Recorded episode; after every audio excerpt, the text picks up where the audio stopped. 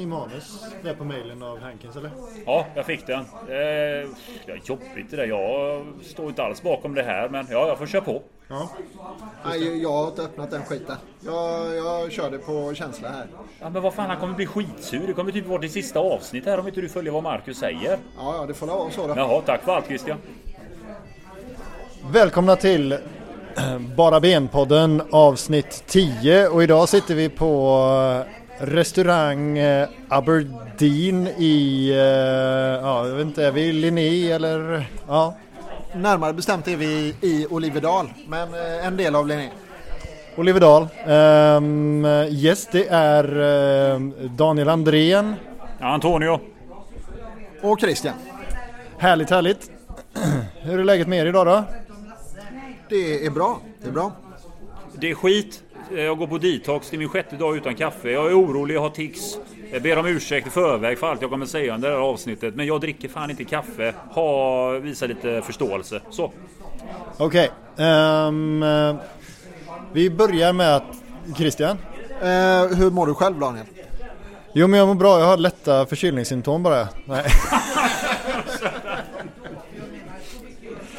ja, då kör vi. Uh, nej men jag mår bra, det är bra med mig. Um, vi börjar med en uh, fråga som kanske inte känns helt aktuell med tanke på att landslaget spelar just nu. Men hur het är allsvenskan Antonio?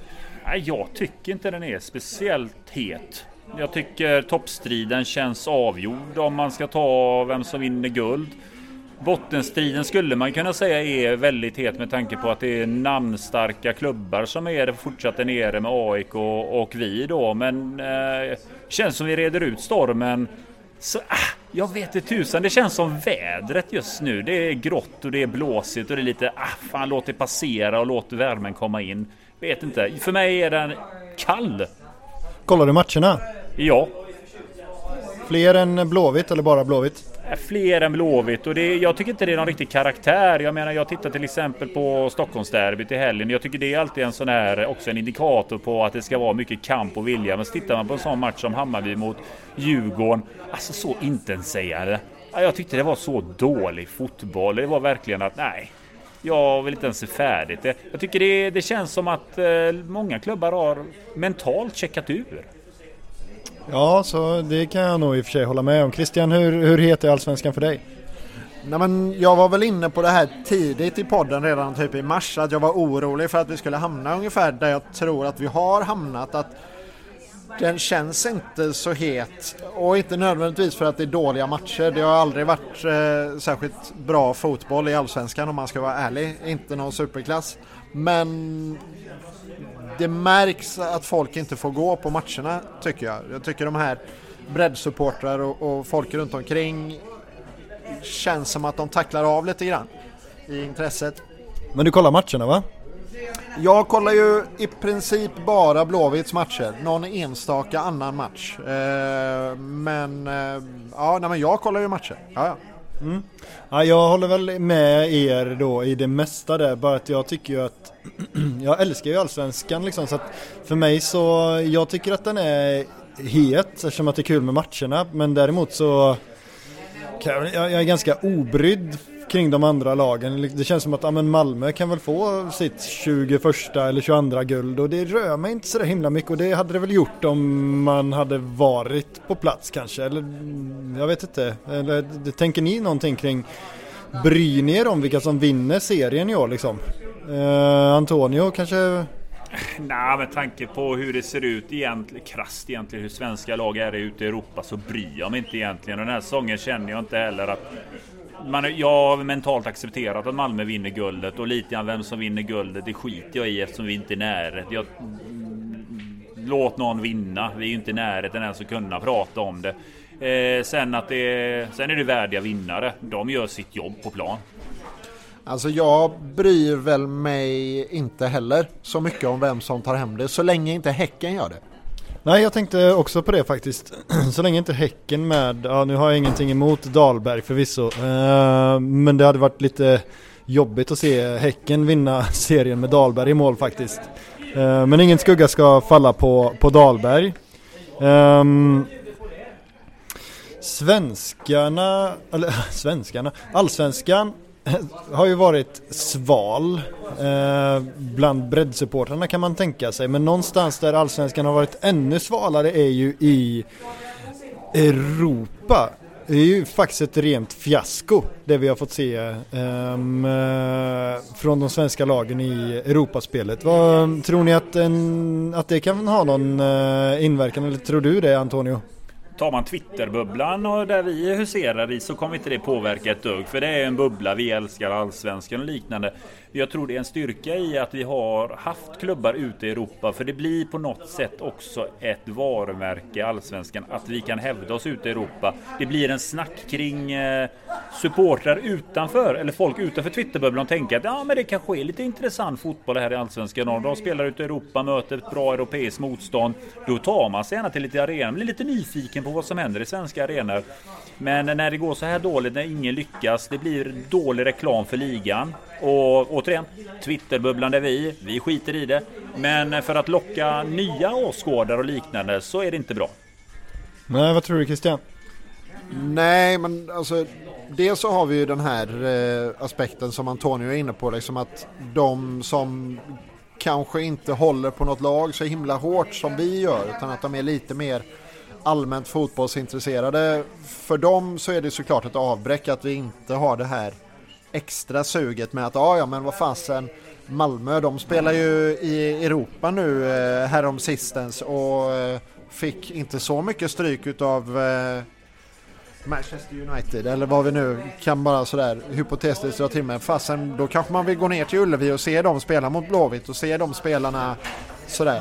Och eh, nej men ja, det är klart att det är ett avbräck men eh, framförallt så är det ju ekonomiskt att inte de här pengarna trillar in.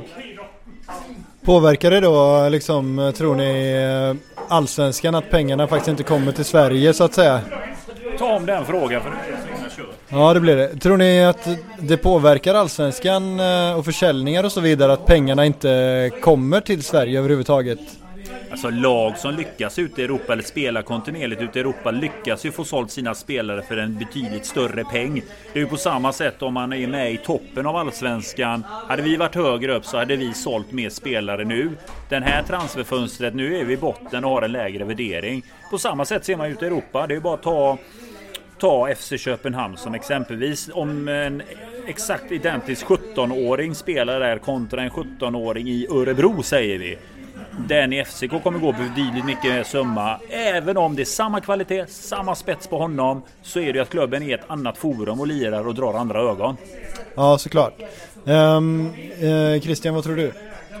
Jo, men det är ju exakt så som det är att det här mm, förstoringsglaset som eh, ett Europaspel sätter på spelare och klubbar det drar ju upp pengarna och intresset för spelarna. Och det det som FCK har lyckats göra, att de har gjort det kontinuerligt under så lång tid, det gör ju att det blir en exponentiell ökning på något sätt för att det ligger kvar i folks minne att ja, ja men de är ju alltid med, de är ju alltid bra. Det är klart att plockar de in en 17-åring och låter honom spela kontinuerligt så måste det ju vara något jämfört med om Blåvitt som då och då åker ur i tredje kvalrundan plockar upp en 17-årig supermålvakt då är det ju någonting helt annat. Liksom. Ja, och det, vi, vi, kommer väl återkomma till transfer lite senare kanske och hur, hur det påverkar föreningen eller föreningarna i Allsvenskan till och med. Eh, men, men någonting som, som slog mig nu när ni pratade det var att rätt surt ändå att den här Edvin Andersson som jag aldrig har sett spela fotboll eh, gick till Chelsea helt gratis samtidigt som eh, Häcken skeppar iväg någon till Everton och Malmö skickar någon till Arsenal va i ändå mångmiljonaffärer. Den tyckte jag var riktigt, eh, riktigt sur. Um, och på tal om surt så tänkte jag att vi ska ge oss in på tippa utgången i den allsvenska tabellen. Um, och då kör vi väl, ska vi ge oss i kast med topp 3 och bott 3 och gissa på en placering för Blåvitt? Räcker det? Ja men det låter bra. För, eh, alltså 1 till 16 känns väl inte helt... Det är lite nördigt. Antonio kan få köra 1 till 16. Eh, jag kör 1 till 3 och, och botten 3 och Blåvitt. Eh, ska vi börja med, ska vi börja med dig då Chris, Antonio? Topp tre säger ni? Ja. Malmö vinner. Häcken kommer tvåa. Norrköping kniper tredjeplatsen. Ja. Um, vad baserar du det på? Ja, ettan är ju ganska given. Ingen kommer innan eh, komma ikapp, komma ikapp Malmö och de har bredden. Och nu får de inte spela ute i Europa heller. Så nu kan de fokusera all in allsvenskan. Eh, och superviktigt för deras del för att nästa år så är det ju Conference League och allt möjligt. Enda sättet att komma till Champions League eller Europa League det är att vinna allsvenskan. Häcken jag tycker de gör det bra. Jag tycker de har en bra trupp. Eh, och de spelar också lite under radarn. De har inte, säg vad man vill, de har inte pressen på sig. De gör sin race, de slår Falkenberg med 3-0, vinner enkelt. Har svårt mot topplagen. Men de har gjort det bättre mot Stockholmslagen i år. Och det har att göra med att Stockholmslagen för mig har ju checkat ur mer mentalt. Så Häcken tar andra platsen. Norrköping, ingen pratar om dem riktigt. De har inte sålt spelare heller nu riktigt den här eh. De sålde ju han till Dinamo Zagreb. Annars truppen är kompakt och absolut ett under radarn. De kniper tredjeplatsen. Men eh, det, det talas ju ändå om inre, alltså ganska mycket konflikter i Malmö FF. Vad, kan inte det förstöra för dem? inte alls. Jag tror att eh, är det, någon, är det folk från något land som är van med konflikter och hanterar det så är det danskar. Det är standard för dem. Det är inga konstigheter. Jag tror Jon Dahl Tomasson vill ha konflikter. Det ska, det, ska, det ska bränna lite grann.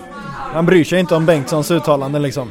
Nej, han gör inte det. Alltså, han vill ha lite vinnarkultur. Eh, vi har lite vinnarkultur och lite fart på det. Så nej, han klarar det. Ja, härligt. Ehm, då tar vi Christians topp tre. Ehm, Malmö joggar hem det här. Inga... Nej, men jag ser inte... Precis som Antonio sa, jag ser inte vad de ska snubbla på liksom. Det finns inget Europa, det finns ingenting annat. Och eh, de har en otrolig bredd. Så det, det är en solklar etta. Sen tror jag att Norrköping kommer gå om med Häcken här i slutet. Eh, de har haft sin dipp och jag tror att de kommer ta sig ur den innan Jens Gustafsson checkar ut här efter säsongen. Eh, och på tredje plats så tror jag att vi hittar Häcken som fortsätter göra det bra men kommer ha sina plumpar även om de har Dahlberg i målet. Härligt. Um, jag får vara tråkig och faktiskt uh, kopiera Antonios topp tre där med Malmö, Häcken och Norrköping. Jag tror också att uh, Stockholmslagen har checkat ut och de, jag menar, Hammarby, de verkar inte ens intresserade av att delta längre så att, uh, ja nej. Det, och Elfsborg har väl, ja nej men de har väl spelat bort sig själva nu från, från toppen och ehm, Nej, det är väl om Djurgården kanske, men jag tror inte det. Djurgården kniper fjärdeplatsen tror jag. Så att, ja. Bottenskiktet då. Då börjar vi med Christian den här gången. Bott 3. Bott 3. Rakt ur har vi Falkenberg. Ehm, de håller inte måttet. Ehm, tyvärr. Det hade varit fint att ha ett till västkustlag med i Allsvenskan. Det hade varit fint att ha dem kvar. Men eh, i år så åker de ur. Ehm, och det är inte så mycket mer att säga om det. Kalmar. Det funkar inte med Nanne. De får liksom inte till det. Ehm, och jag tycker de har plockat upp en hel del spännande unga spelare men de får liksom inte ihop det. Jag, eh, jag kollar ju som sagt var bara på Blåvitts matcher i princip. Så jag har svårt att säga exakt vad det är. Men eh, nej, jag tror att de åker rakt ur också. Eh, och kvala för Helsingborg göra. De eh, kommer inte bryta den trenden tror jag. Leder det till nytt kontrakt för Mellberg tror du? Eller får han foten efter säsongen? Det beror kanske på hur han klarar kvalet. Ja, diplomatiskt svar. Yes. Antonio, bott 3. Falken ur och Kalmar ur. Båda lagen gör för lite mål framåt och släpper in otroligt många mål. Helsingborg är luriga där med den där holländaren där som ibland blommar till. Eh, Hurken eller vad han heter där från holländska andra ligan. Det räcker inte. Det blir, jag satt och tänkte lite grann att Varberg är lite ur form och kanske hamnar på kvalplatsen. Men fan, de reder det på något sätt. Helsingborg tar kvalplatsen. Helsingborg. Yes. Um, ja, sist säger jag då. Um, Falkenberg. 15 plats. Kalmar och i kvalet mot Jönköping eh, på andra sidan i den matchen står Helsingborg. Eh, där jag tror att Jönköping utan Jakob Orlov eh, som fick lämna inför säsongen faktiskt eh, tar den där allsvenska platsen. Gick inte han till Ängelholm eller var hamnade han någonstans? Det var Oremo, Orlov la av. Oremo var det ja, för fan. Husvagnsrekryt. Såg du när han signades där? Han stod vid en husvagn där vet du, med sportchefer. Världsklass. Gjorde två mål i helgen också. Ja det gjorde han. Division 1 va? Ja, riktigt. Vad har vi för eh, blåvita anknytningar till eh, Ängelholm? Ängelholm är en fantastisk partystad. Ja, Enda, enda kopplingen jag har till Ängelholm. Och jag tänker på Patrik Dyrestam. Ehm, Åh, den stackaren. eh, han hade ju ett par lånesessioner eh, i just Ängelholm. Ehm, Jag misstänker att han också har varit och partat. säkert, men eh, det säger jag ingenting om. Blåvitt då? Var sätter vi dem i tabellen? Trettonde plats. Så de missar då kvalplatsen med någon poäng kanske bara då. Ja, lite så.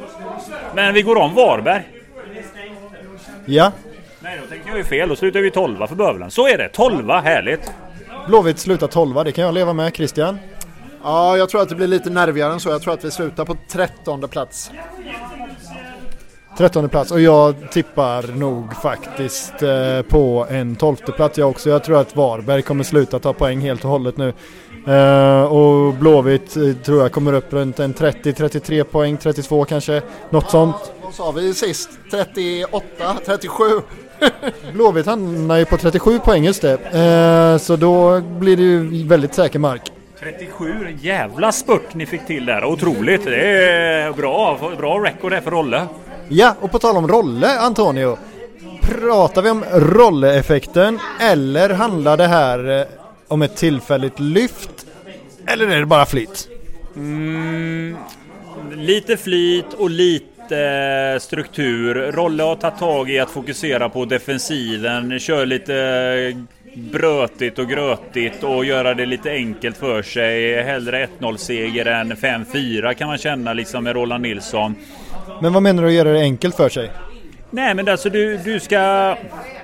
Ja, det, är ju, det är ju egentligen väldigt att sätta någonting enkelt i fack men bollen ska upp till anfallarna. Försvaret ska vara kvar i försvaret. Vi ska inte driva upp med försvaret allt för högt upp. För vi ska inte ta några risker i försvaret vid omställningar. Vi ska spela väldigt tryggt, enkelt, rakt. Och vi ska ha två bjässar där framme som ska liksom grottra och bråka till sig mål. Det, ska, det är lite rivigare på plan, det är lite fulare på plan. Men det är så det bör se ut när ett lag är i kris. Vi behöver de här enkla segrarna och eh, jag tror inte att det här är Rolles spelfilosofi att så här ska det se ut utan hans fokus ligger på säkra kontrakt och sen gör vi, tar vi nya tag 2021. Han tänker inte på någonting annat överhuvudtaget. Så pratar vi om en Rolle-effekt eller eh, flyt? Vi pratar både lite Rolle-effekt och lite flyt. Som sig bör när man är ny tränare. Härligt. Eh, vad säger Christian? Ja, men jag tror att det här som eh, Antonio är inne på, den här att eh, låta försvaret stå hemma och så eh, knacka lite fler längre bollar lite oftare. Då skapar man sig lite utrymme för flyt. Eh, helt enkelt, alltså du skapar fler chansmöjligheter för Pontus Wernbloom att eh, skarva till det på något sätt. Och så jag skulle säga att det är en ren rolleffekt egentligen. Att han skapar sig det här lilla flytet, att vi får de här snedstudsarna med oss. Att Pontus m- magar ner bollen till eh, Fanerud. Det, det är liksom inte bara flyt utan det är ju effekten av att man söker det tidiga inlägget på ett sätt som man inte gjorde innan. Men tillskriver vi liksom eh, rätt person effekten då? För eh, jag menar vi har fått in Wernbloom också. Alltså handlar det om en Wernbloom-effekt eller en Rolle-effekt undrar jag då? Ja, mer rolleffekt. Jag tycker inte Wernbloom har imponerat överhuvudtaget. Och man ser väl på honom att han är otroligt ringrostig och han är på en position som inte riktigt är hans område. Han kan inte... Han, han är på fel position. Och sen att han är ringrostig. Det är ju inte många matcher han har på benen. Jag tycker Rolle har varit tydlig. Jag tycker att det är en professionalism. Sen är det många andra saker vi ser i klubben som eh, påverkar spelet just nu och det tar vi gärna upp. På. konflikten i klubben. Smekmånadsfasen som har blivit en konfliktfas. Det älskar jag. Låt oss komma tillbaka till den för att jag, jag, jag har faktiskt en fråga till här på rolleffekten. Um, vi har ju fullständigt släppt det här, uh, vad, vad, kallar vi det ens? Projekt, processen. um, den, den, har vi släppt helt och hållet. Inte alla. Inte alla. Inte alla, men om man tittar på, på de elva som, som ska ut och prestera på planen så, så har man ju släppt det. Uh, har man det? Det kanske vi kommer in på sen också. Kanske inte på ett personligt plan, men i alla fall vi spelar inte kanske enligt processen just nu. Eh, vad, vad är era känslor om det? Att vi, nu spelar vi helt plötsligt på ett helt annat sätt. Eh, fotboll handlar om förändringar och anpassa sig efter läget man befinner sig Jag tycker inte det är alls konstigt. Jag menar, du kan ju spela processen, fokusera på detta, men det handlar, jag tog upp det tidigare också. Det var ju som ett scenario där vi ska spela ute i Europa. Då vrålade jag ju till och sa att vi kan inte hålla på med processfotboll om vi skulle exempelvis möta ett spanskt lag nu är vi i bottenstriden. Ja, spanska lagen uppfann ju processen någonstans. Ja, det, det, blir lite grann så lärjungen kommer och hälsar på dig och säger hej hej titta vad vi kan. Jo jävlar ni kan det bättre. Men eh, nej nej vi spelar helt efter var vi befinner oss mentalt eh, i tabellen och spelmässigt i tabellen. Det ser inte bättre ut så här för att spelarna har inte levererat. Då måste vi göra det så jävla enkelt för dem som möjligt. Att vinn, skit i hur det ser ut. Eh, det kan vara världens tråkigaste match, vinn med 1-0. Tre poäng ska hem, inget annat. Och det köper jag.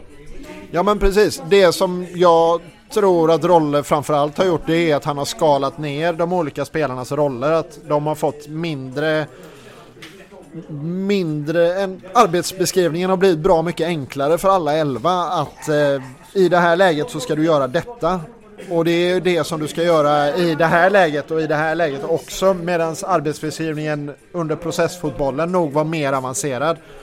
Och, och facit lite grann eh, hur fotbollen ska utvecklas ser vi ju efter säsongen och det hänger ju, där kan man säga lite grann, vad händer nästa år? Ska vi, om vi ska fortsätta spela så här?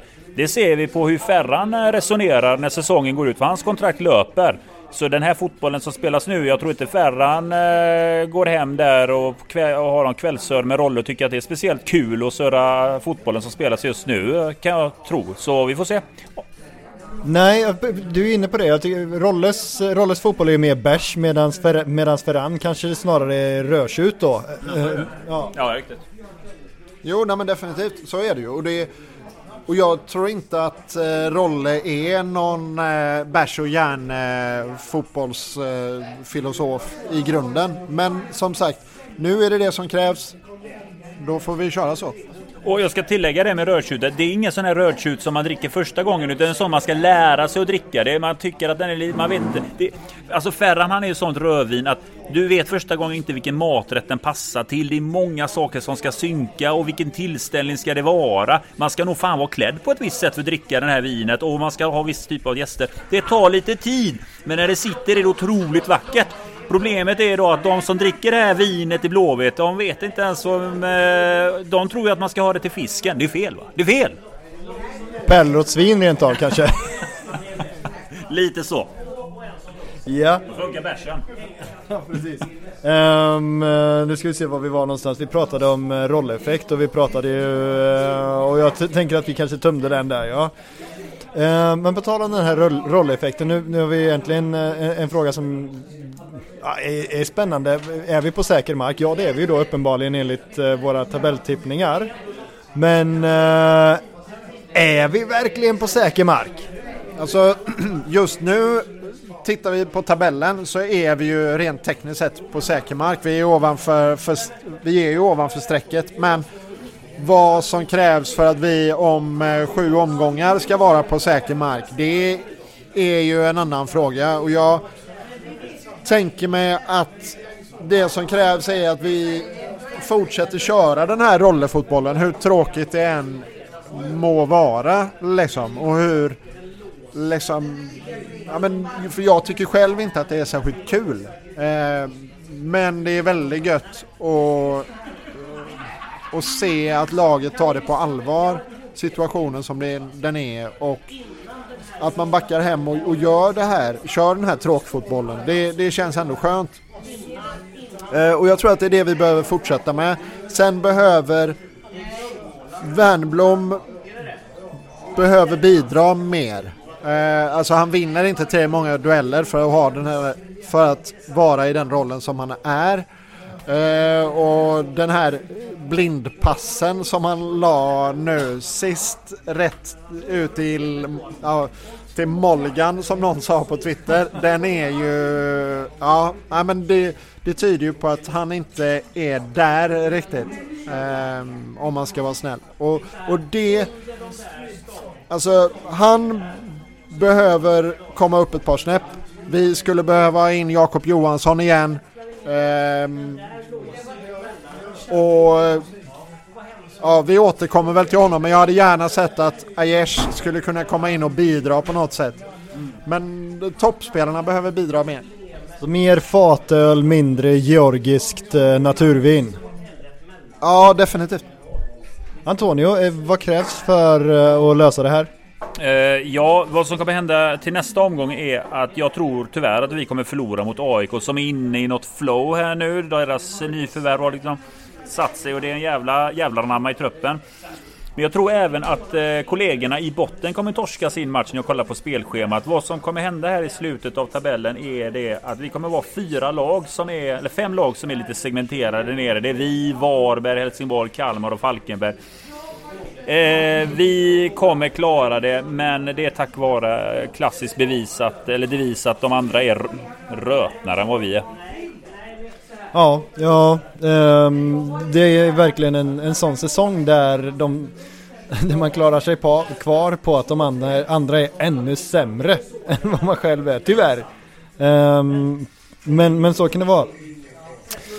Nu tänker jag faktiskt vara lite, eventuellt vara lite Lars Ohly. För kommer ni ihåg när Lars Ohly sa att han eh, hade spelat fotboll med Nacka? Ja. Ja, det minns ni. När jag var 16 eller 17 eh, år så blev jag värvad till ett eh, division 5-lag. Ehm, så som jag minns det. Eh, och det var pengar inblandat som jag minns det. Ehm, ja, visst, det bara lyfta på hatten.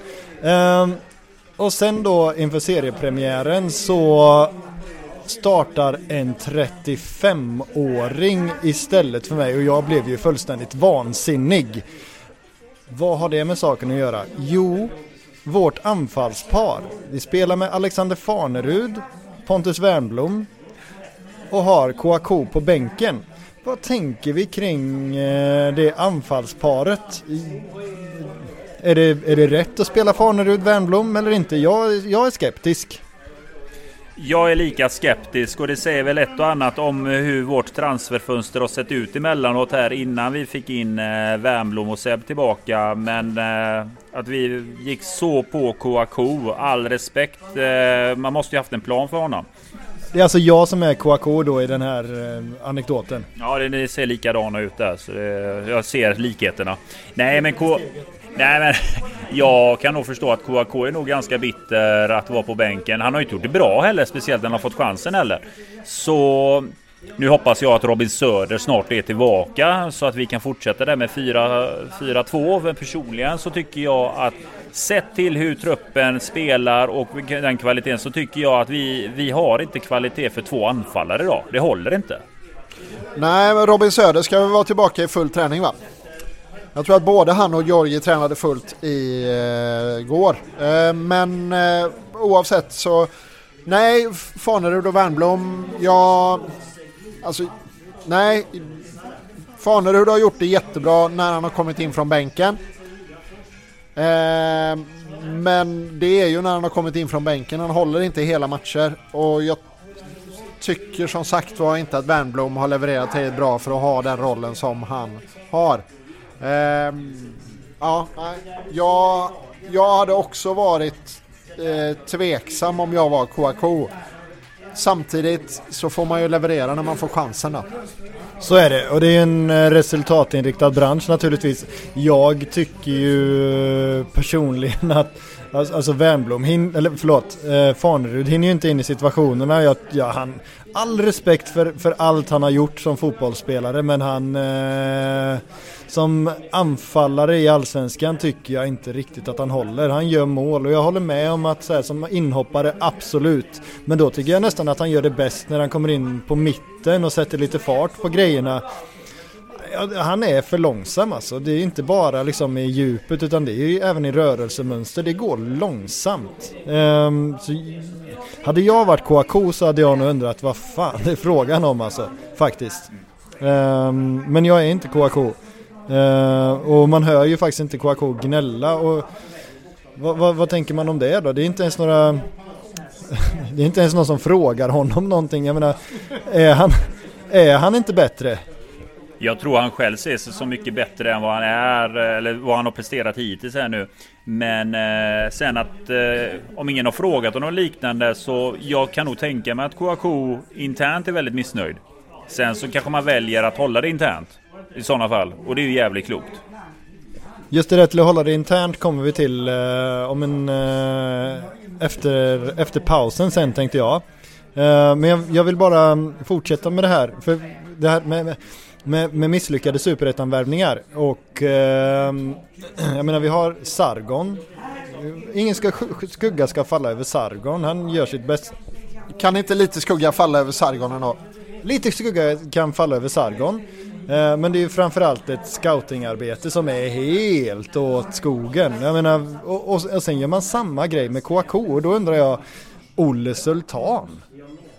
Ja visst det Haitham Alesami och med flera. Men jag menar Kouakou och Sargon som väl skulle sitta på bänken eller läktaren i alla topp 7-lag i princip, eller? Ja, alltså Olle kan ju få sin beskärda del. Han kan ju komma med råd och tips. Men det finns ju ett gäng som då ska bedöma om detta är material för klubben eller inte. Det är ju, det är ju ett haveri, sportcheferi. Ingen snack om saken. Samtidigt som man säger, vi har ju plånboken för detta. Men vad fasiken, det är ju en global fotboll. Alltså kan, någonting kan man väl hitta. Måste vi bunkra runt i superettan och leta? Alltså det borde ju finnas någonting där ute med vårt varumärke som vi skulle kunna hitta. Må vara att det är över säsongen. Men eh, vi kommer inte få mycket slantar för Sargon heller. Han är 29 dessutom så att... Nej men alltså jag jag sätter ett stort frågetecken kring eh, efter båda de här. Sargon och eh, Kouakou. Och ja, nej, men jag håller med dig Daniel. Fasen uh, Olle Sultan, har han checkat, har han gått i pension redan? Är det det som är grejen? Att uh, Pontus skulle varit mer delaktig i scoutingarbetet redan nu e egentligen? Och att uh, det egentligen inte är någon som har att man har gått på gamla anteckningar eller någonting. För det känns inte Nej men det känns inte bra att, att Kouakou är våran anfallsvärvning. Nej, och det är samma, eh, nej precis, det är, det är ju, eh, då hade jag hellre sett eh, Sam, Sam Larssons bror Daniel till exempel, eh, min namne, än, än eh, Kouakou. Ja, det hade inte jag. Jag tror inte det hade, nej. Jag, men jag, jag har lite dåliga vibbar där. Jag ty, tycker det känns väldigt mycket plånbok och lite jag tror inte han har levererat jättebra här hemma i Allsvenskan nu på eh, ålderns höst. Men Kouakou, vad har han? En bra säsong i Superettan och sen har han presterat i Division 1 liksom. Det är egentligen samma med Sargon. Jag tror han har en och en halv bra säsong i Superettan. Ah, jag, jag, jag, jag, är tveksam faktiskt. Är det, har det, är det någon som, eh, har vi något gott att säga om någon av dem? En spaning jag har är för övrigt att Rosenborg numera värvar superettan-spelare. Köpte ju loss Paconate, Det plockade de från Jönköping och så tog de han från Halmstad. Så Rosenborg går Blåvitts väg. De ser det kanske kan gå ändå. Men han spelar från start på Paconate nu för övrigt för Rosenborg. Det var en jävla grej. Så det kan finnas fynd där med. Ja det var jag inne faktiskt på, på Twitter och såg massa så här Rosenborg Ultra som var så här Vad i hela friden är det som händer liksom? Värvar en vänsterback från, eh, från svenska superettan liksom. Och då var det ju någon som påtalade, jo men han spelade Champions League för Malmö och då lugnade de ner sig lite kanske. Uh, men det, vi, vi, vi väljer inte ens från högsta hyllan i superettan och det skrämmer mig lite kanske. Ja men precis, det är ju det som är skillnaden. Eh, där Rosenborg kommer in och skummar grädden så är vi ju nere i bottensatsen och letar liksom. Nej, det känns inte okej. Okay. Nej, det är, jag, jag är skeptisk. Eh, men, men Kouakou kanske har mycket i sig samtidigt som han redan har blivit 25 och då är man inte purfärsk längre. Men eh, ja, vi får väl se vad, vad, som händer. Men vi kan väl eh, fastslå att Fa Fanerud inte är ett anfallspar som man skrämmer småbarn med. Nej. Nej, det är det inte. Och det är inte Sargon och Kouakou heller. Så vi har på anfallssidan otroligt tunt, otroligt grej. Vi har Robin snart tillbaka. Och jag ser hellre Georgie där uppe. Han är helt ur form. Men Jag ser hellre honom där uppe också. Det är ändå en poängspelare. Han skapar mer än vad andra namn nämnda gör i poängmässigt. Robin Söder var ju dessutom, ja det här är ju bara rykten i och för sig, men Robin Söder var ju dessutom den eh, Blåvitt-spelaren som gjorde bäst intryck tydligen på eh, förbundspamparna nere i, på januariturnén. Han var väl den som eh, hade varit eh, ja, men bäst av Blåvitt-spelarna tydligen. Med tanke på hur eh, Dagrasa presterade nere på januariturnén så var det väl inte jättesvårt att nå just den, det epitetet. Erlingmark också va? Ja, jo, Erlingmark också såklart. Men eh, ja, nej men eh, samtidigt med tanke på Robins historik får han väl chansen i landslaget så eh, det är väl inte konstigt att han tar den ordentligt. Fair enough. Um, vi går faktiskt med det till halvtidsvila. Ja, men då blåser domaren igång eh, halvlek nummer två av episod eh, 10 i Bara Ben-podden. Vi sitter i Olivedal på gamla Café Olivedal um, och spelar in. Um, smekmånaden är över på plan.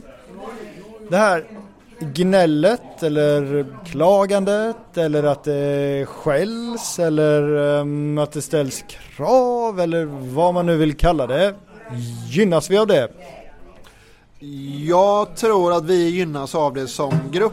Eh, inte för att det på något sätt har varit kravfritt innan under Poja, att allting har varit bara rosenblad och glitter och, och eh, rosa enhörningar. Men jag tror att i det läget som vi befinner oss nu så behövde en hel del spelare något av en reality check och att man behövde eh, skakas om lite grann och att relationer behövde brytas och ändras på.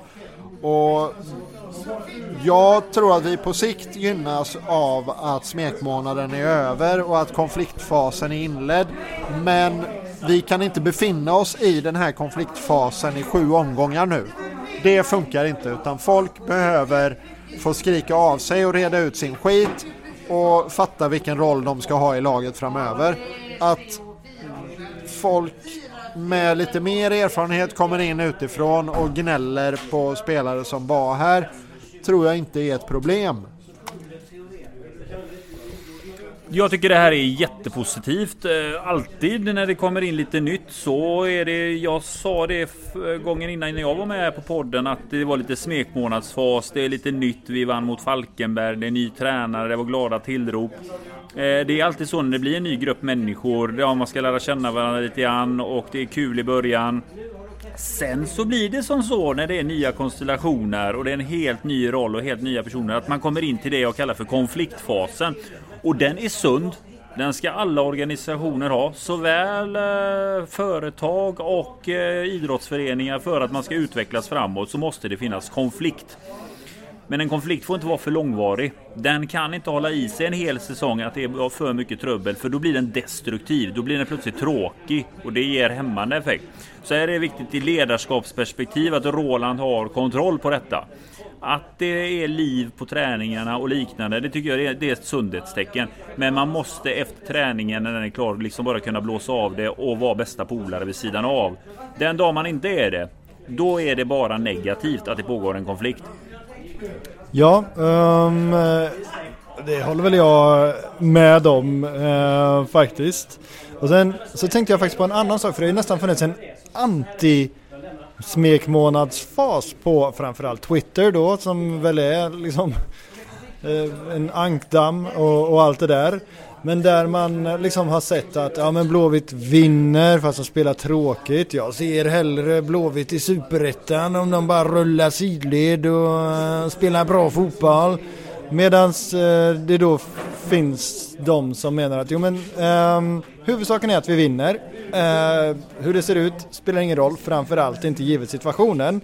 Och då undrar jag så här, vad finns det, slarvig övergång men finns det något egenvärde i att spela ja, den här spanska fotbollen som vi spelade innan?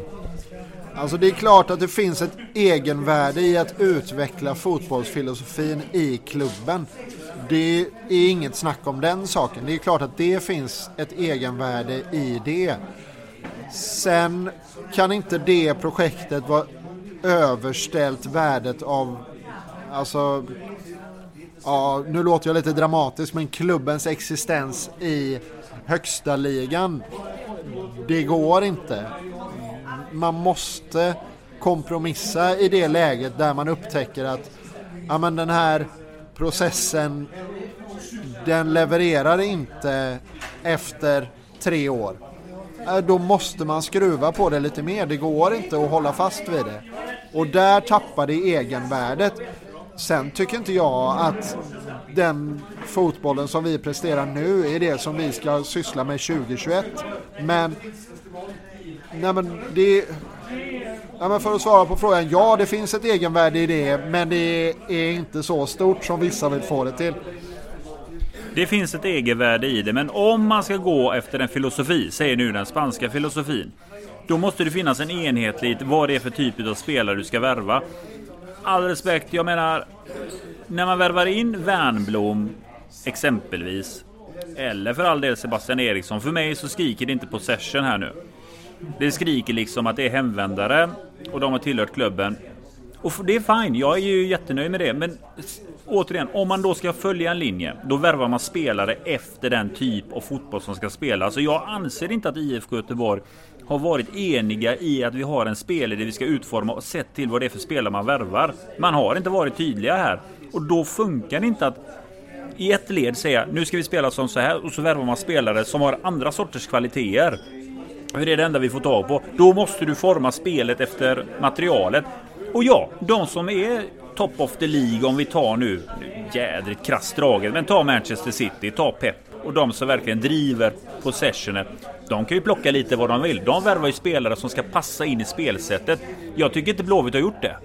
Jag tycker Blåvitt har liksom jagat, det fick inte honom. Vi tar det här alternativet. Passar han in i systemet? Nej. Man går emot sig själva. Och det är därför vi befinner där vi befinner oss i nu. Det har inte varit en röd tråd i arbetet. Vad man ska ha för typ av spelare sett till hur man vill spela fotboll. Så hela det är ett haveri. Jag har gnällt på Soccer Service, nu gnäller jag på föreningen. Soccer Service har sin bild. Blåvitt har de följt den? Nej, absolut inte. Haveri! Ja, vi får se vad haverikommissionen kommer fram till vad det lider. Men eh, jag håller nog inte med er om att det finns något egenvärde i, i, i att spela en viss typ av fotboll. Jag, för mig handlar fotboll bara om att vinna och sen om om man vinner på långbollar, det spelar faktiskt ingen roll överhuvudtaget för mig. Men braskar för att jag kommer från Götene och, och därav är en enkel man. Men, Antonio? Nej men jag, jag håller inte med dig i din analys för grejen är den att jag säger bara det igen att om man vill spela en viss typ av fotboll och bestämt sig för det Värva då det materialet för den typen av fotboll. Du kan inte värva brunkarspelare och sen säga hej hej nu ska vi spela tiki-taka. Vad fan är det liksom? Det har inte jag lärt mig i Ryssland exempelvis. Du värvar det är fel värvningsstrategi då. Då får de ju för fan vara helt jävla eniga att om vi ska spela på ett visst sätt, då får man värva på ett visst sätt. Så den här relationen Socker Service IFK Göteborg, den funkar inte. Men den, hade ju aldrig, den har ju aldrig liksom funkat i så fall eftersom att vi hela tiden har väntat på spelare som absolut inte är tiki-taka. Fansen har liksom skrikit efter Wernblom, Gustav Svensson, Marcus Berg och Oskar Wendt. Men det är ju inga tiki-taka-spelare. Samtidigt så hade ju i allsvenskan och med ett tiki-taka-spel ingen av de här spelarna gjort bort sig förutsatt att det inte hade varit alla spelarna och förutsatt att inte alla hade kommit som skadat gods. Alltså Wernbloom funkar i ett tiki-taka spelande lag så länge han får spela sin roll lite längre ner i banan och ha någon med mjukare fötter bredvid sig. Alltså Wernbloom har ett med allsvenska mått med ett bra passningsspel i sig. Alltså han har fina bra kvaliteter som kan spela en bra fotboll.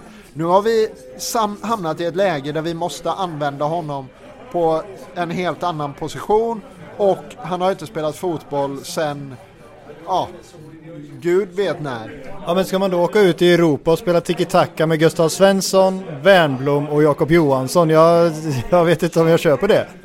Nej men du, du, Christian ändå på det. Alltså, jag håller med att Wernbloom är en bra spelare som absolut, han har ju fötter herregud. Det är inte så att vi värvat en tegelsten. Han har ju sina meriter fantastiska och spelat mot eh, Ronaldo och allt möjligt. Men det är återigen haveri då. Varför är han anfallare? Det är, alltså om vi ska följa en linje då, okej, okay, nu är Rolle här och så vidare. Men det är också ett typexempel att man använder spelare fel. Jakob Johansson har också fina fötter. Hej, hej, vi sätter han som mittback. Det är haveri! Ja, men... Igen! Ja men det köper jag. Det var ju helt åt uh, fanders att sätta Jakob Johansson som mittback. Den är ju den är speciell på riktigt. Men eh, som ni är inne på då att vi har inte haft uh, tiki-taka-spelare i truppen kanske. Men samtidigt så har vi haft vissa, ja, Poja-spelare. Vi har, haft, vi har Paka som förvisso fick spela nu senast. Vi har Sana som har trivts väldigt bra. Och vi har Hossa Aiesh vad händer där? Ordet är fritt, Antonio. Med vad då? Med vem? Aiesh! Vad som händer med honom? Ja, jo, så vad fan sysslar han med?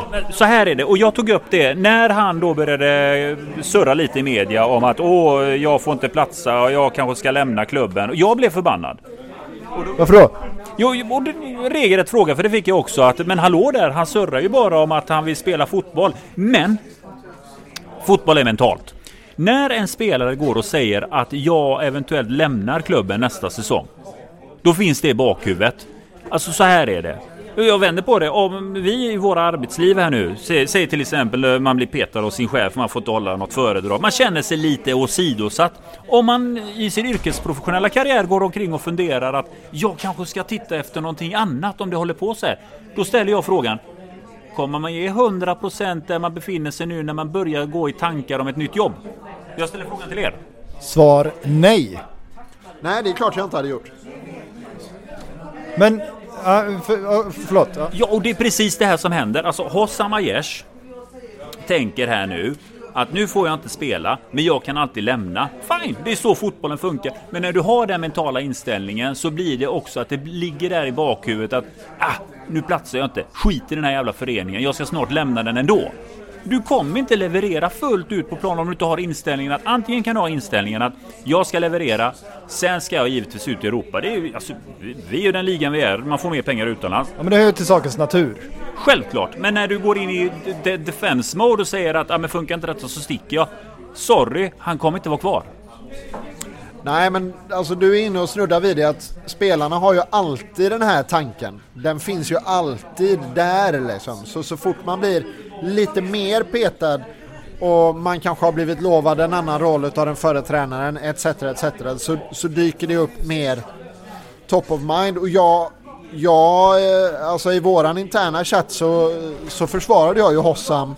Vilken chatt är det? Uh, nej förlåt jag ska. nej, nej, ge mig den, ge mig den. Nej, men, ja men Marcus Hankes chatten, precis. Tack, tack. Uh, nej men då, uh, då försvarade jag ju Hossam uh, efter att den första GT-artikeln kom. Men sen efter att han också har Ja fan frågan är om inte han har tagit kontakt med bladet alltså. Men, men när bladet-artikeln kom då, eh, då började jag känna att men vad fasen, sätt honom på läktaren. Det, låt han inte spela en minut. För nu är det så som han uttryckte sig i den första artikeln så tyckte jag att det var helt rimligt. Det var ett rimligt resonemang att ja, men får inte jag spela någonting eh, alltså får inte jag spela någonting nu och det är de signalerna jag får inför nästa säsong då är det väl förmodligen lika bra att vi skiljs åt. Och det har han ju rätt i. Det är ju ingen idé att vi har honom med den löneposten och med den rollen i truppen och han inte får spela. Och det hade jag inte några problem med att han sa. Men när han drar det i långbänk och dessutom Ja, nu, nu är det här mina egna spekulationer, men att han själv springer till Aftonbladet och drar det en gång till, då, då tröttnar jag. Och Ja, alltså Per Boman springer väl inte nere på Kamratgården i parti och minut, så att visst.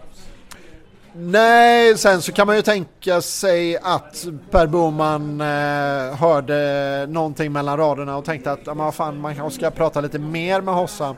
Eh, nej. Det kanske inte ens var Per Boman.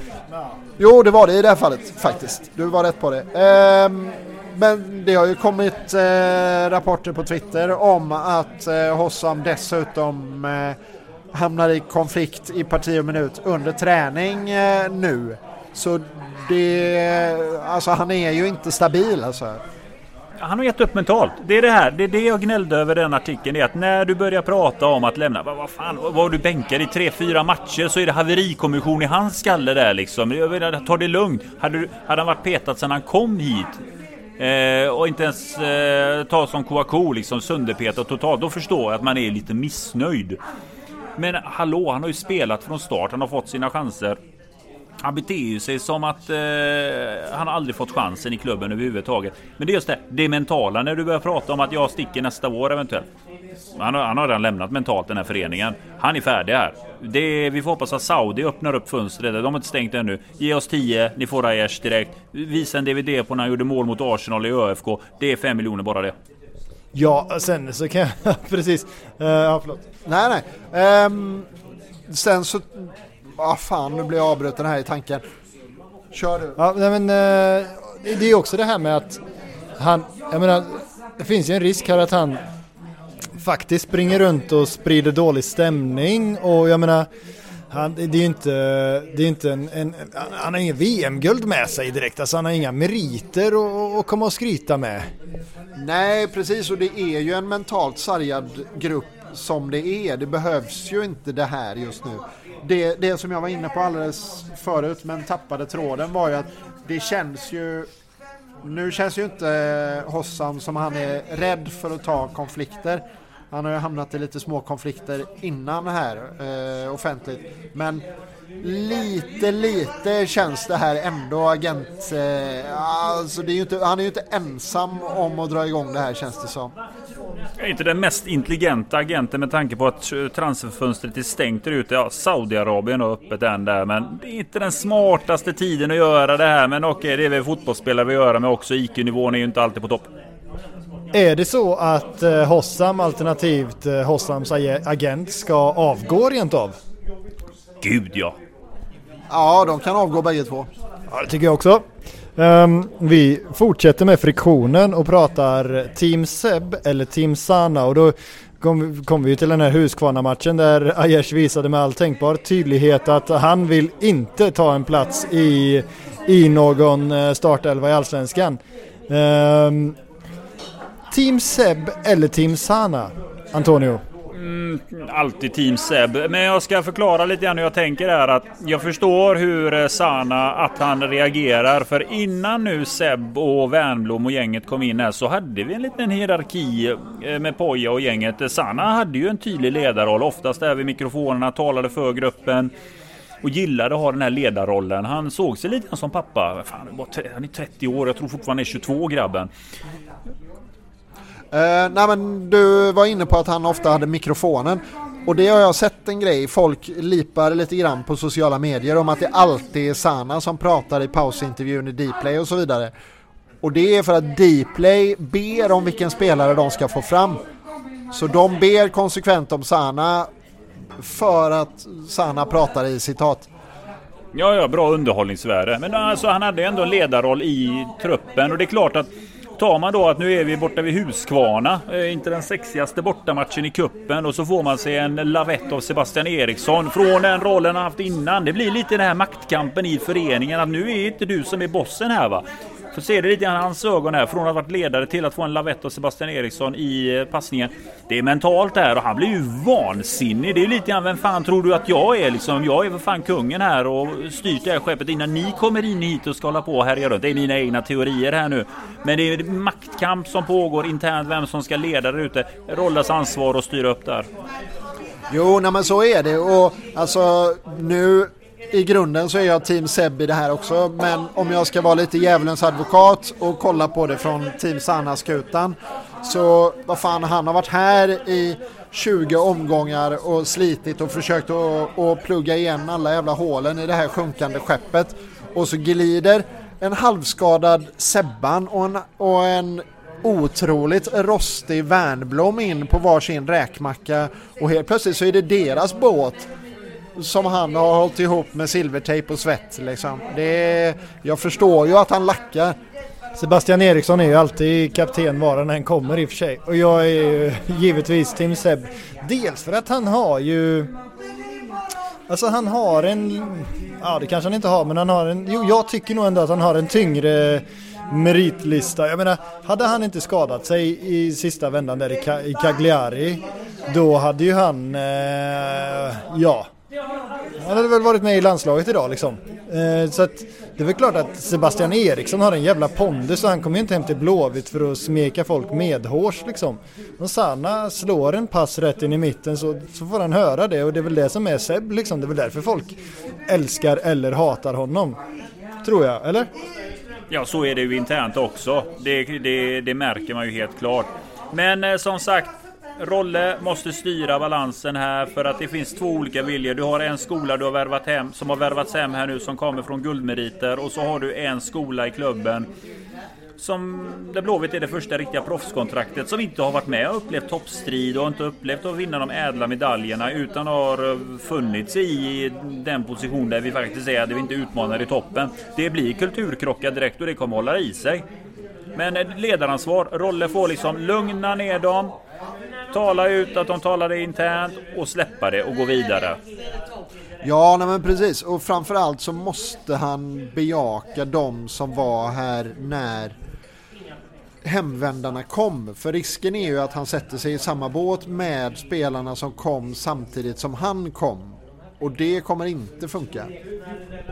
Nej, och hur tror ni liksom de som kanske, de som absolut inte har varit, alltså om man tänker de här spelarna som Paka, Erlingmark, um, uh, vad har vi mer? Jallow, ja, Dagras har väl varit ute, men de här killarna som inte har varit ute liksom, hur tror ni, vad, är det här en bra skola liksom? Jättebra skola, för jag menar ambitionen är att komma ut i Europa. Eh, det här är ju mer vardagsmat det som pågår där ute. Att det är hierarki. Där får du liksom jobba in. Det, det ser du bara till de som blir proffs utomlands idag. Hur snabbt du hamnar i frysboxen. Och det handlar ju nästan i alla fall om att i många fall så är det att du inte har kvaliteten men sen är det du orkar inte mentalt. Du klarar inte av den här pressen och den typen av kultur som råder där. Nu säger jag inte att vi ska gå och och vara en klubb där det ska bara skällas och donas. Att det gör det nu, det beror på att det händer mycket i föreningen. Det här är inte ett normalläge. Men det är sunt med konflikter med tanke på det vi befinner oss i. Ledarens ansvar att lösa detta så vi kommer in i en smekmånadsfas som infinner sig förhoppningsvis efter vi har säkrat kontraktet. Nej, men jag tror ju liksom inte att det är en slump att Sebastian Olsson som var otroligt ifrågasatt under Jörgen Lennartsson och låg längst ner i den djupaste frysbox man någonsin kan hitta och som sen lyckades ta sig tillbaka till en startelva nu går bra i kultlaget St. Pauli i Schweiz. Alltså han har det med sig att han kämpade sig igenom hela den här skiten med Jörgen och tog sig fram. Och det tror jag är positivt för honom nu i eh, Tyskland. Och den biten, tar man det på rätt sätt, den här konflikten som pågår nu, så tror jag att man har nytta av det längre fram. Och det är därför en sån spelare som Hossam Ers inte ens kommer få spela en minut i Zweit om han skulle få chansen att en klubb värvar honom. För Sebastian Olsson hanterar en nedgång. Han bet ihop och kämpade. Får sin belöning nu om man får säga det. Han är ute i Europa och gör det jävligt bra. Han är given i varenda match. Där är exempel på att hantera detta mentalt och bita ihop. Hossam Ers är den andra skolan på hur det kommer bara gå ner för han kommer spela i Örebro. Ja, och sen så har vi också den här, om man tänker, om man ska dra det till eh, nästa nivå så har vi den här eh, Olof Lunds senaste bok där vissa pratar om vuxenmobbning. Men sen när de intervjuar gamla spelare som Marcus Berg till exempel som sådär, ja det var väl hårt men det är så det är på den här nivån liksom. Det, jag menar om då Hossa Aiesh tänker att han ska ta sig ut i, i fotbolls-Europa, det är ju, det, det, jag menar det kom, de kommer inte komma och, och, kolla hur han mår om han blir bänkad några matcher. Liksom. Ingen som bryr sig. Du kommer snarare få skäll för att du är för dålig på träning liksom. Ja men så är det ju och eh, helt enig där och eh, sen nu landslaget om man ska dra in där att den personen man pratar om det är ju en speciell karaktär Zlatan. Eh, det är ju bara att se alla klubbar han har spelat i vad de har tyckt till om honom. Han säger ett och annat extremt frispråkig. Men det där handlar det om ledarskap också. Hamren kunde inte hantera Zlatan och då blev det ju ju anarki att en person styrde hela skeppet. Det är återigen ledarskapsansvar. Se till att lösa det i omklädningsrummet, kom därifrån. I landslagets fall så handlar det om att folk mådde dåligt efter träningen och hade väl dåligt, mådde dåligt att komma dit. Det där är ledaransvar. Hamrén, fiasko. Absolut, och det köper jag och jag håller med om det att, att Zlatan säkert gick för långt i vissa fall och sådär. Men, men jag menar det är inte så att eh, fotbolls-Europa är, är fullt av ledare som, som bryr sig om att ta den stark, svages parti. Nej, det är det inte. Men det är återigen ledare. Om du tar till exempel ta spelare som Tobias Sahn och många andra man intervjuar. När de känner att det inte har funkat i en klubb och de har känt sig utfrysta. Så har det varit, det är ledaren primärt. De har sagt tränare har inte kommunicerat med, vill inte prata med mig. Jag fick ett tröjnummer högre än hockeysiffra från ingenstans. Ledaransvar. Och det är samma sak med landslaget här. Om vi ska hoppa in i Lunds bok. Det är Hamrens ansvar. Och när inte han tar det ansvaret då blir det ju som så att en sån som spelare som Zlatan han får fria tyglar. Han är ingen tränare.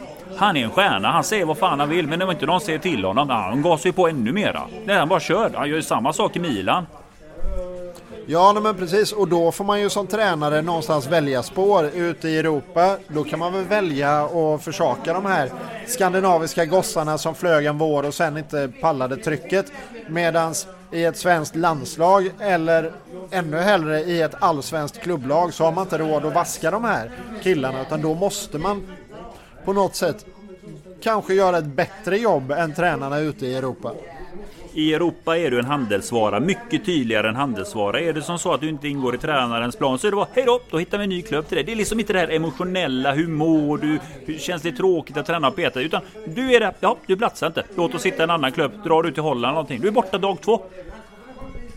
Ja, det tror jag också. Så att, eh, och det blir ju då liksom slutsatsen att Hossam Aiesh kommer inte ens eh, jag tror att han pikar nu liksom. Blåvitt, det, det blir inte större. Alltså rent eh, karriärsmässigt. Hossamers pikar när han byter klubb. När han börjar spela där, ny miljö, allting är frid och fröjd. Det är bra i hans skalle mentalt, då levererar han. Men sen kommer motgången och så går det åt helvete. Han kan inte hantera sig själv. Så han, är alltid, han kommer göra det jättebra när han byter klubb första månaderna. Men sen kanske någon skada kommer, han kommer inte få plats tillbaka direkt efter då är han borta mentalt. Han har inte psyke för det här. Nej men det är inte som att eh, klubbarna inte har koll på det här. Jag menar de ser en jättefin dribbler och han är bra en mot en och sådär och sen så ser de Vänta nu har han suttit på bänken i fyra matcher och har redan gnällt i media två gånger.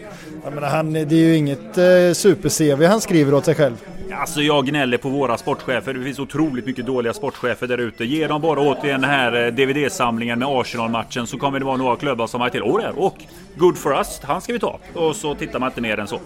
Ja, vi får hoppas på att Al Ain inte har någon eh, Europa-korrespondent kanske då som kan eh, läsa nyheterna. nej, nej, nej, det har de fan inte inte allsvenskan i alla fall. Um, vi var inne på Zlatan och han är inte stekhet på transfermarknaden längre bortsett från kanske då för FCZ.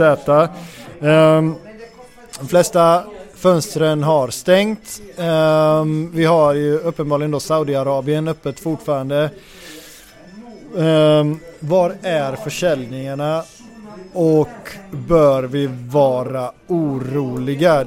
Det, jag, jag personligen är orolig. Jag trodde att Hasse skulle vara såld. Um, förstår liksom coronans inverkan och att vi kanske skulle behöva tacka ja till ett lägre bud än vad vi hade tänkt. Nu fick vi ingenting.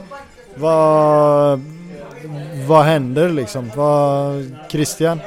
Alltså jag är väldigt orolig. Vi har ju historien om Tolinsson som eh, enligt journalister skall vara såld och eh, tillbakalånad till Blåvitt. Eh, och där, i och med att han är ung och det finns stor potential etc. etc. så kan det ju vara några miljoner in. Men det känns ändå som att det skulle behövts minst en försäljning till för att jag skulle slippa känna mig orolig. Ja, men, eh, alltså nu har ju Blåvitt förvisso, man gratulerade inte Viktor Wernersson på födelsedagen men hade man inte gratulerat Tolinsson till flytten om man hade sålt honom, klappat och klart, lånats tillbaka. Det är ju helt knäpptyst från Blåvitts håll. Alltså det är en positiv nyhet och det finns ju inte jättegott om positiva nyheter om Blåvitt just nu så det är, ur den, det perspektivet så är det klart att man hade kört på det. Men eh, ja, nej, nej, det är sant. Det är märkligt att man inte kommunicerar det i sådana fall. Orolig Antonio? Mycket Nordahl här borta nu. Klubb Nordahl pikar på den här sidan av bordet och det är, eh, det är inte tixen jag har utan den är befogad. Eh, men så här är det. Alltså samtidigt, alltså Blåvitt borde ju fatta att vi är många oroliga Nordahls där ute som undrar hur ekonomin ser ut och där det är tydligt kommunicerat att vi måste sälja spelare för att eh, få in lite kulor va. Så är det som så, som Disco säger att, vad var Disco va? Ja, Disco som surrade som sa att det är klappat och klart. Då borde väl klubben kommunicera ut detta att det är klart för att egen person har tyckt var bra. Då vet man att det är pengar på, på väg in. Nu hör vi ingenting. Transferfönstret den här sommaren. Jag summerar det med fiasko. Det är obegripligt att vi inte fått sålt en enda spelare. Det är väldigt konstigt. Eh, jag köper att vi har fått bud som har varit skambud. Absolut. Men vår ekonomi, vi måste sälja det så illa det är. För vi kan dra det hur långt som helst. Eh, jag vet inte hur mycket vi ska gå in i covid nu. Vi kan få det Men gör det, gör det. Ja men uh, du kan dra den parallellen, absolut. Då spinner vi vidare. Så här är det. Vi får ju inte ha publik ännu den här rösten. Det är de som räknas, det är publikvärdar. Så det är ju inget annat än det det här kommer ju hålla i sig. Jag menar Tegnell eh, surrar ju om att eh, julen blir eh, speciell. Eh, vi får inte fira i stora skaror. Då är det bara att inse att våren, alltså det, det här kommer ju hålla i sig även våren 2021. Och då kommer nästa perspektiv i. Hur kommer årskortsförsäljning gå till? Nu har vi sålt årskort i år. Många som valde att stå kvar. Stort tack till alla de som har gjort detta fantastiskt för föreningen. Hur många är sugna på att köpa ett årskort om man inte ens vet om man får gå på matchen? Det kommer bli rekordras i årskortsförsäljning som binder kapital under vintern när vi inte får in pengar. För de pengarna är viktiga. Då har vi ett kassaflöde. Nu kommer vi inte ha det kassaflödet. Nej, otroligt kastagerande under det här transferfönstret. Det är under all kritik säger jag till er. Um, jag skriver väl rätt så mycket under på det Antonio säger här. Um, med brasklappen att vi kanske inte vet allting då som vanligt. Men, um, ja, men jag är också... Vi, vi vet allt vi är från bara ben, så är det. ja precis, vi är ju från bara ben. Um, det var faktiskt jag som uh, skrev på papperna där för Tollinsons försäljning. Ja okej, okay, så nu sabbar du det också. Ja, strunt samma. Eh, nej men, skämt åsido. Eh, nej men jag är också orolig för det här med årskortsförsäljningen. För det kan låta som att det inte är några jättesummor de miljonerna som är därifrån. Men de kommer under en period när Blåvitt inte får in några andra pengar. Och dessutom ett år när vi inte ens får in publikpengarna. Eh, men vi var inne på ekonomin och vi var oroliga över hur den såg ut. Det finns ju ett medlemsmöte utlyst den 28 oktober. Eh, vi vet inte så mycket mer om det ännu, om hur och så det ska gå till. Jag skulle gissa på att det blir helt digitalt. Men där kan vi väl förhoppningsvis få lite frågetecken uträtade kring ekonomin och kring hur man ser på en eh, vår, sommar utan publik. Tror vi att de tänker så långt där uppe? Det tror jag. Det ska bli härligt att gå på medlemsmöte digitalt och sitta och skråla avgå tillsammans med Antonio. um, och ingen hör dig. Nej, de kommer ha mute på alla kanske då. Um, med, med, med, all rätt kanske. Um, hur har eh, covid påverkat transfermarknaden då? Det, för att jag, jag, jag hänger inte jättemycket med i den internationella fotbollen, det ska jag villigt erkänna. Um, uh, vad, vad, ser vi för effekter uh, på det hela? För att vi har ju sett färre försäljningar ifrån allsvenskan. Men ehm, varför då? Nu är jag ju inte sifferkillen här i gänget, men jag tänker mig att det är en avsaknad av en trickle down effekt helt enkelt att jättarna har värvat lite mindre. De största spelarna har varit lite mindre benägna att flytta på sig och då blir det inte tillräckligt mycket pengar in i systemet för att de mindre klubbarna i Europa, de belgiska, holländska etc. ska vilja slänga sina slantar upp på allsvenska spelare. Vi har sett ett risktagande menar jag på ute, om man får säga de fem stora ligorna i tron om att man nu får ha publik och så vidare. Men nu får de i bakslag att det fortsatt är tomma läktare. Coviden ökar i Europa. Men om man ska ta det, de fem stora ligorna så är transferaktiviteterna nere på nivå från 2015. Och det var efter det som 2015 och framåt som det började liksom rulla riktiga transfersummor. Det är då vi började bli blev plötsligt en miljard hit och dit. Herregud, kan man betala så mycket för en spelare? Sen blir det mer att vi har en miljard. Det är väl ganska logiskt för en 22-årig talang som har öst in i Bundesliga. Det är ju, så, det är ju galet är det. Men nu är vi nere på 2015. Men vad som händer där är ju det att när det blir mindre pengar i rullning, då blir summorna inte lika stora. Det blir ju också då att den klubben som säljer har ju någon klausul att den klubben man köpte ifrån ska ha en slant och sen ska ungdomsklubben ha en slant och det blir mindre pengar i omlopp och allsvenskan påverkas ju på det sättet att Säg att Dortmund säljer en spelare. Det är ju inte så att Dortmund plockar en spelare kanske från allsvenskan allt för ofta. Men den klubben som får pengar från Dortmund och så vidare. Det kanske är en klubb i Zweite eh, och så vidare. Eller en bottenklubb i Bundesliga som hade kunnat lägga pengar på att köpa en spelare i Allsvenskan som plötsligt inte får in det. Holländska klubbar är typiska exempel. Man ser på transferaktiviteterna att när de större ligorna tappar så tappar mycket Holland och Belgien och de ligorna. De som är typiska draglok i att värva svenska spelare. Eh, och jag tror att transferaktiviteterna kommer fortsätta att sjunka. För nu blir det ju bakslag här.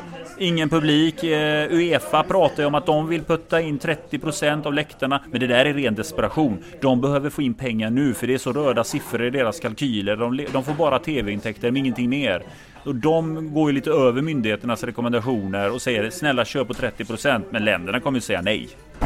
Ja, ja herregud. Det är väl inget, eh, jag menar, vad fick, 50 pers fick vi och då inkluderas väl spelare och ledare och hela den konkarongen liksom så att... Och sen finns det ju länder som har öppnat upp och det, det har inte varit och det har ju inte gått så bra där som nämnt innan som vissa andra länder som Tyskland till exempel. Det är lite mer ordning och reda när det kommer till publiken, har lite mer struktur. Men vissa länder har gjort bort sig där som jag tror Tegnell och de tittar på. Alltså Tyskland har ju överlag en väldigt bra struktur. Sen har man ju lag i eh, Schweiz till exempel St. Pauli som har en historia utav att vara lite stökigt. Till exempel finns det väl någon historia med ett fullbordat samlag på ståplats tror jag. Och nu nämns den här klubben vid namn igen i den här podden, Sao Pauli. Och det är ju så att de kanske man inte ska ha med i det här exemplet med ordning och reda inom tysk läktarkultur. För övrigt där, de hade ju en ordförande som var transsexuell och det är inga värderingar, transvestit var det så är det ju. Eh, inga värderingar mot det, men eh, man byggde ju dessutom i en utav logerna in en slipstång. Så när det blev mål så var det full galej där. Jajamän, eh, han är ju överlägset den bästa ordföranden som Sao Pauli har haft. Strippstång kanske inte är vägen att gå för att tjäna in pengar för Blåvitt framgent. Men eh, vad finns det liksom att tjäna pengar på? Är det för mycket begärt att eh, vädja till eh, årskortsinnehavare och, och, och, köpa nya? Kan man ta betalt för träningar eller vad, vad, vad, vad kan man göra liksom? Ja, men eh, be årskortsinnehavare att köpa ett årskort inför nästa säsong där vi kanske inte ens får se några matcher ens nästa säsong. Det låter magstarkt men jag tycker ändå att det är någon sorts lägsta nivå. Jag tycker definitivt att de som valde att stå kvar det här året per automatik ska få erbjudandet att ställa sig på läktaren och stå kvar nästa år. Det, det tycker jag är någon sorts lägsta standard ta betalt för träningar. Lurigt alltså. Eh, har vi öppna träningar så ska de väl vara öppna kan jag tycka någonstans. Och eh, ta betalt för träningarna, då blir det ett arrangemang, då ska man helt plötsligt ordna det med, ja det är svårt alltså. Bra idé i teorin kanske. Man kan ha en liten swish-skylt kanske. Eh, eller någonting. Men Desperate Times och så vidare och så vidare. Jag hoppas man kan göra mycket på merchen. Jag tycker man har ju fått ett lyft med Craft. Jag hoppas man slår på stora släggan här nu till Black Friday. Tar över, välter internet som det så fint heter och får rekordförsäljning i eh, Black Friday nu eh, på merchgrejer. Fina pengar, fin marginal på de grejerna. Satsa mycket på nätet nu Blåvitt. Och satsa mycket nu. Jag har sagt det förr och jag tycker fortfarande det är för dåligt. Satsa mer nu på att jobba ihop med era sponsorer. Sälj Nordic Wellness-kort, sälj diverse olika erbjudanden som era sponsorer har. Ta en kickback på det. Var mer aktiva på detta. Kör mer merch, kör mer digitalt nu. Det är liksom gräv fram varenda krona. Era sponsorer kommer vara jätteglada att ni vill lyfta fram att man nu ska träna som aldrig förr, hålla sig i toppform och så vidare. Nu när man ska jobba hemma för vissa och så vidare. Dra på det, jobba mer med annonsering och samarbeta mer med era sponsorer. Dra in allt ni bara kan. Nu har vi ju redan bollat St. Pauli en gång i podden. Men jag tänker jag bollar upp dem en gång till. Eh, Blåvitt har ju en officiell bilpartner i Volkswagen. Eh, St. Pauli har också det. Jag tror att de fortfarande har Mini Cooper. Eh, men de har också en officiell cykelpartner. Det finns andra bilar också.